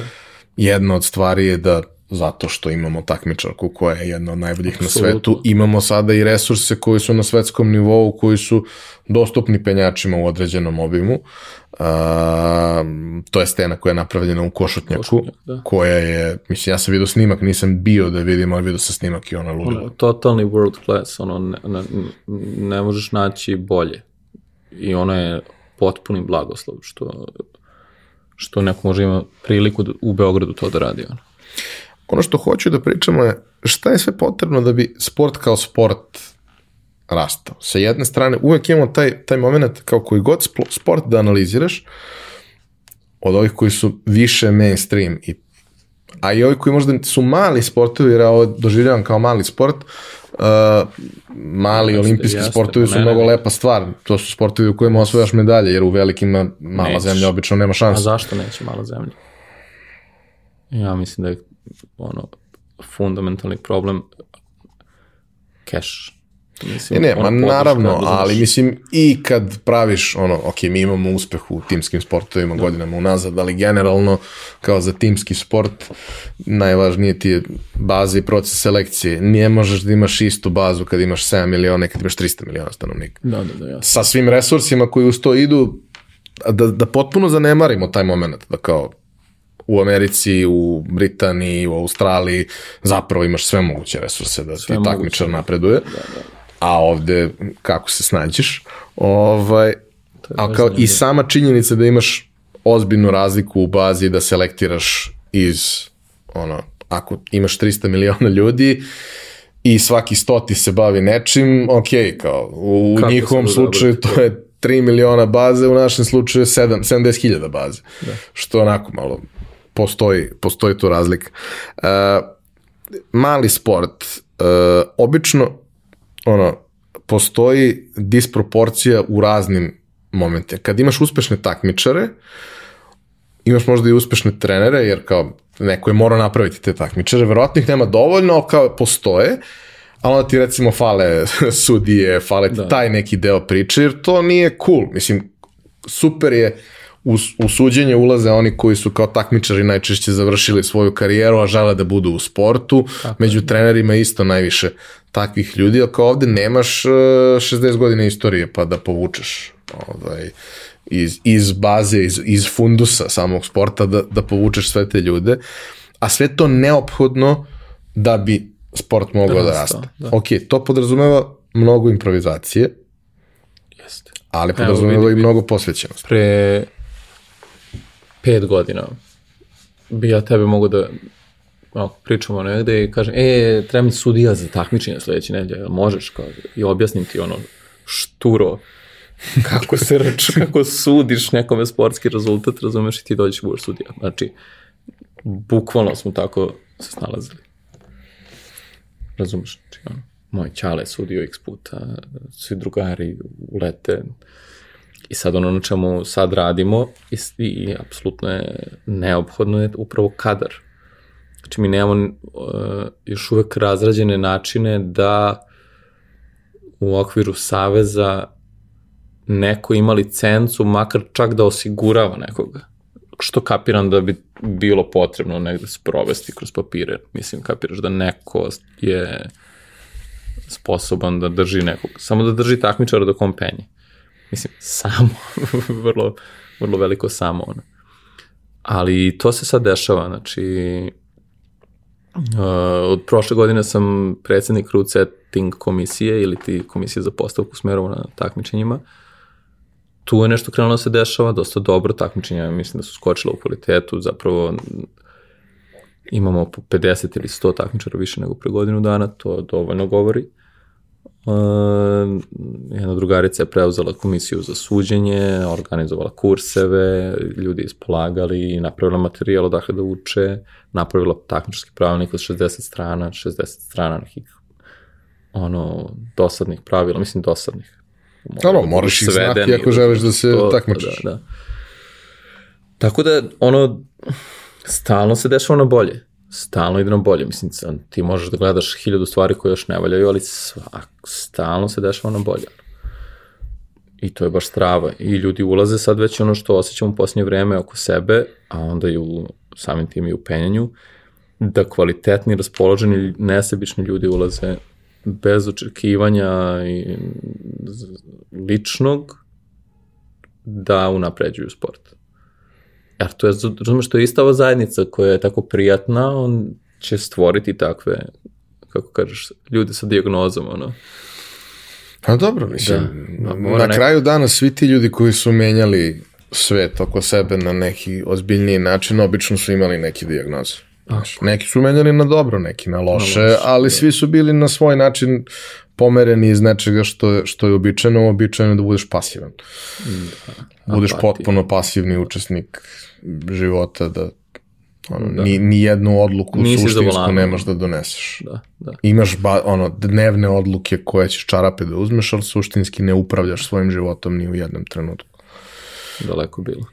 Pa mislim, Ne razumem sve. To je, jasno, jasno. to je realno. Znaš, ja često imam te razgovore sa ljudima koji iz nekog razloga imaju potrebu da pričaju sa mnom na te teme, kao, znaš, ono, ka, razvoj moj karijerog puta, razvoj ovoga, razvoj onoga, ok, kao, šta ti hoćeš? Pa ja bih samo hteo da radim svoj posao. Pa ne funkcioniše tako. Da. I svi, mnogi ljudi bi hteli samo da rade svoj posao, ali ako hoćeš da imaš slobodu, ako hoćeš da imaš neku vrstu ono, a, podrške, resursa, da, da postaneš prepoznatljiv, to obično znači da moraš da napraviš iskorak izvan onoga što bi ti samo hteo da radiš. Da, i ono što e, tu, e, mislim, ja, kako ti kažem, ja imam nedelju dana radnog iskustva u životu. Ono, jednom su me drugari odveli da neki, da farbamo stub na kopalniku, neki telekomunikacijani. Da što se dobro vereš. Zato što, pa mislim to, penjači rade visinu, naravno, mislim, kapiraš. Ovaj, čak me nisu pustili na visinu, nego sam ja farbao dokle mogu da ohvatim sa, jer sam bio klinac, nek, ono, klinac, imam sam 16 godina, razumeš. Ovaj, ali, ali imam ono 100% radnog staža svog. Mislim, ras, raspadam se vrlo pozitivno koliko radim. I ono što primećujem da ljudi nemaju ni predstavu kako je izgleda da svaki dan uz svu slobodu koju imam ja moram da napravim svoj dan potpuno, mene ne čeka nikakav posao na stolu fastikla ili taskovi na nekom grupnom četu, šta god, nego probudi se i provali šta da uradiš. I opet, i opet, i opet, i opet, i od sve od tebe zavisi, ne bi se ni sa kim menjao. Ali ono, potpuno ne znaš, stalno ne znaš. Dobro, imaš taj moment da ono, pokušavate da napravite put gde ga nikad nije bilo. Jedna da. stvar je da dođeš i da uradiš nešto što su svi ostali već radili i to je lepo kada ono, prođeš da. nekim putem gde su ljudi koji su ti uzori prolazili, ali ništa ne može da se meri sa tim kad praviš svoj i mislim e, to može da bude i, i stresno i teško Ovo, ne, i sve to, absolutno. ali ono, taj moment kad prvi put uradiš nešto što si mislio da je nemoguće i onda svaki dan radiš nešto što Deluje si nemoguće. ti mislio da je nemoguće, što je neko mislio da je nemoguće, te u principu navikne na to da skoro ništa nije nemoguće. A, ok, da, postoje stvari koje jesu, jel? Fizika je tako, neumoljiva prilično. Tako, tako, da. ovaj, ali postoji toliko toga gde mi na neki naš način Nismo možemo da se poigramo sa da, tim. Tako je. Ovaj, a da bi, da bi mogli, moramo prvo da znamo, onda da pomislimo da možemo, da se drznemo, da, da, se drznemo, da mislimo da možemo. Da.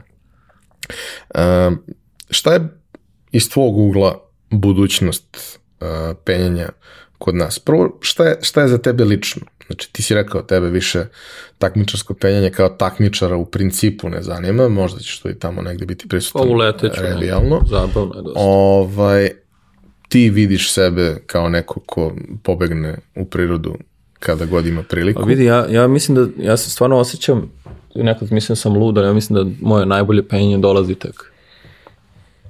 Mislim, zapravo ubeđen sam u to. Tako, naštalovan sam da tako, možda sam samo naštalovan da tako razmišljam, pa sam u iluziji, sasvim otvoreno, ok, ali prosto kako sazrevan kao lik, bolje koristim svoje resurse, mislim imam sjajnu podlogu da ono za sportski rezultat neki ili šta god.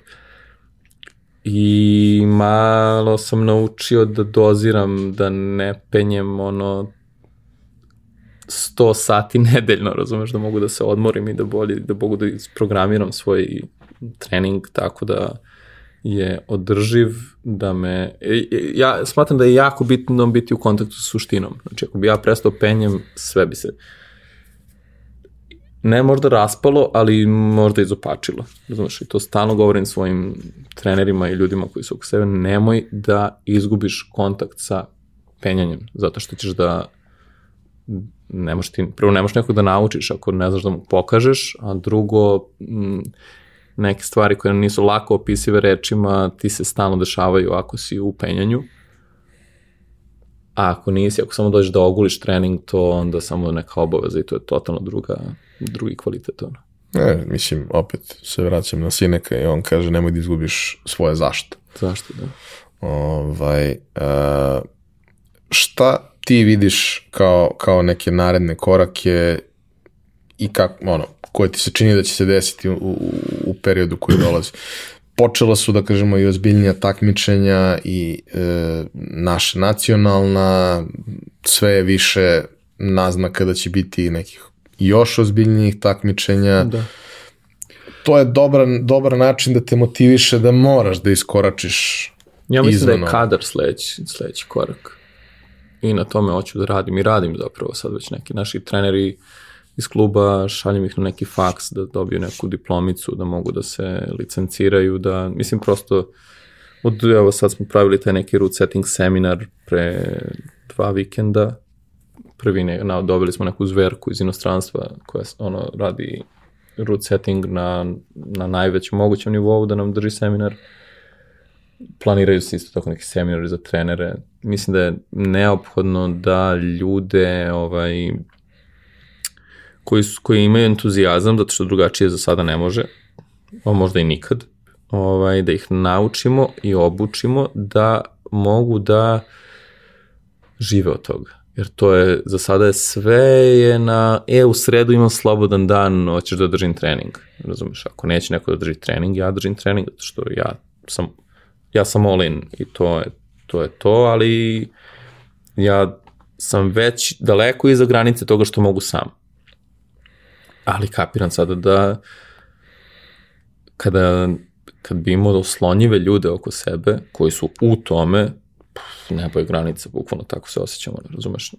I mislim da je to ne, neki neophodni korak što se strukture tiče, a ovo što će doći posle toga, doći će, kako ti kažem, mnogo manje, samo od toga da imaš manje povreda, zato što ljudi koji drže treninge ne znaju šta rade, pa će im biti mnogo boljih utisaka, mnogo boljih rezultata, pa makar čak i preko Instagrama da neko super nešto uradi na steni, to će da privuče još ljudi mislim da je to jedan, mislim da je to glavni i neophodni korak da se dalje zakutelja priča. Mislim, priča ima, razumeš, postoji veliki naboj, sad bukvalno nemamo dovoljno ne može se isprati ovaj potražnja. Nemamo dovoljno ponude da ispratimo potražnju.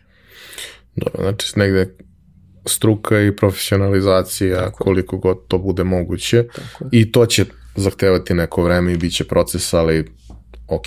Da, to je, to je ona, izvini, što sam te prekinuo, to je ta udica koju ja stalno žvaćem, ono, u, koliko će biti bolje za tri godine. U, koliko će biti bolje za tri godine. Koliko može bude, i koliko je bilo već, bo kad se oknem unazad, kad se samo setim, sjajno, razumeš, ono.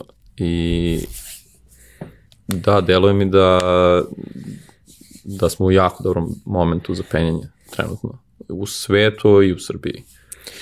Um, ono čega se nismo dotakli, a mislim da jeste važna priča, to je kako, ok, pričali smo za decu koliko to može bude interesantno i ok, sigurno će neki roditelji dovesti decu, sve je to super, ali ima i nas odraslih, ove, raznih, raznih dimenzija, gabarita Da. i tako dalje. Kako izgleda i kako treba da izgleda kažemo, početak nekog rekreativnog penjača, nekog ko nema nekakve velike ambicije, ali je shvatio da ga to interesuje, hoće da proba. Uh -huh. uh, ono što, što, što je neki vrlo ono, jasan utisak je koliko je to teško. Odnosno da kao i, i ja kada bih se sad pojavio, bez obzira na to što kakav sam bio, sad sam fit, ali ima tu još mnogo da zapravo budem fit. Da. Ko, meni to deluje kao prilično nerešiva stvar. Može, naravno, vremenom, ali količina napora mi je prevelika. Međutim, kad sam pričao sa ljudima koji, koji su dolazili, to zapravo nije tako. Nije tako, ne. I uh, ta, da kažemo, kriva učenja je prilično strmo na gore u startu. Baš strano, da. E, okej, onda kada prođeš to prilagođavanje, u suštini tvoju adaptaciju na penjanje, onda to učenje ide mnogo sporije, ali ti tad već možda se zabavljaš na neki način. Apsolutno, da. A, kako to sad izgleda iz ugla neko ko je tolike takmičare osposobio u koji osposobio u, u, u celom Vidi, tom procesu? znači, ono što prvo kažem ljudima na ono, prvom treningu, ostani mesec dana. Znači, on dođe Posveti se mesec Znači, dođi mesec dana na dva treninga nedeljno ili jedan, kako kad možeš, ono, zavisno od tvog vremena, da bi mogli da počnemo da penješ. Zato što za tih mesec dana se desi jedan jako strm napredak i koji se sastoji od, od same fizičke snage do razvića gipkosti, koordinacije, do, to, do mobilnost, više zglobove možeš da otvoriš, više možeš da se krećeš i prosto uđe ti u prste lagano da šta je cilj, kako izgleda prevozići teško, ono što smo pričali da ti sad razumeš. Znači, naš osnovni zadatak je da radimo nemoguće stvari. Mislim, prividno nemoguće stvari. I ti kad već uradiš mesec dana prevazilaženja problema, ti već kreće kapiraš proces, da on ne zavisi od rezultata, nego da zavisi od istrajnosti. I tada možemo da krenemo u neku ozbiljniju ovaj, pripremu Tako da, a i dobar je filtr za ljude, znači vidiš, nekom prosto ne odgovara da mu je toliko teško. To je penje zauvek teško, mi ja penjem evo, 21 godinu i dalje mi je na granici nemoguće. Samo to izgleda drugačije nego kako. Samo sa prave strane te granice. Da. ovaj, I šta ono, šta, on, imamo, na primjer, kod nas u klubu imamo početnu grupu, naprednu grupu, i shodno tome su i treninzi ovaj, prvo za napredno su naravno duži i mnogo intenzivniji, to rade ljudi koji su već penjači. Početnici su malo je onako mekše i socijalno je malo drugačije, još se nisu upoznali, mada, mada su već postali opasna banda. Ovaj, ali pričamo o nekom ko je tek došao, razumiješ, sad ti si tu odjednom u nekom okruženju gde ekstremno teško, gde gomilu ljudi koji mogu svi mnogo bolje od tebe, uglavnom, mislim, dođe neki talent pa, pa on napravi neki show, ali pričam generalno. I vidim da im je teško, vidim da im je i frka i vidim ono, po izrazima lica kako ne veruju šta mogu. I isti ti ljudi dođu, kažu malo kasnije da im je penjenje promenilo život. Ono. Mislim, razumeš? I vidiš, tačno vidiš u jednom trenutku kako liku klikne u glavu, klik, klikne mu u očima kako posmatra zadati smer. Znači, ne prilazi mu više ono sav nešto pokunjeni kao, ne, da vidiš, da razmi, da čuješ mu, ono, nema šanse, nema šanse, nema šanse u glavi, do toga da dolazi otvorenih grudi, ono, i pogled, gleda u top, ne gleda u prvi hvat. Razumeš? Znaš, koja je to, znaš, koja je divna transformacija i dešava se stalno, ono i dešava se svakome ko samo tu, ko, koga to zanima, naravno, ne može drugačije. Ako ostane za početak tih mesec dana. Pa da, da, tu se već, znači, ono, to mi je glavno, posle toga radi šta hoćeš, ono. Ali ako hoćemo ovo da se dogovorimo, ti sad meni platiš neku šanarinu, ono, dođi tih mesec dana, dođi da vidiš šta zapravo, razumeš, znači, ne možemo da znamo šta se dešava ako nismo prošli kroz to. Znači, ako daš nešto polovično ili ne, pa onda ja nikako da ima ljudi naravno koji su ono treniraju mesec dana pa da ne treniraju dva i kao ja nikako da, kao nikako da ja nešto znaš, uradim. A ovaj, pa zato što ništa ne radiš. Naravno. Luka, hvala ti. Hvala ti. Uh, svi koji ste se zainteresovali za ovu vrstu iskustva, ispratite šta radi penjački klub Zemun ili pogledajte da li ima neki penjački klub u vašoj blizini. Apsolutno. Ovaj, I otiđite na trening i probajte i dajte tih mesec dana. Ako ništa drugo, naučit ćete mnogo toga o sebi A, tih mesec dana. Hvala previše. ovaj, uh, hvala ti još jednom što si, što si bio gost, što si podelio svoju priču. Hvala vama što ste nas slušali i gledali. Sva pitanja eventualna postavite ovaj, u komentarima na YouTube-u, pa će Luka odgovoriti na njih ili, ili ja. Ovaj, a za sve neke osnovne informacije imate ovaj, penjački klub Zemun pa, pa potražite. Hvala vam na pažnji i čujemo se i vidimo ponovo sledeće nedelje.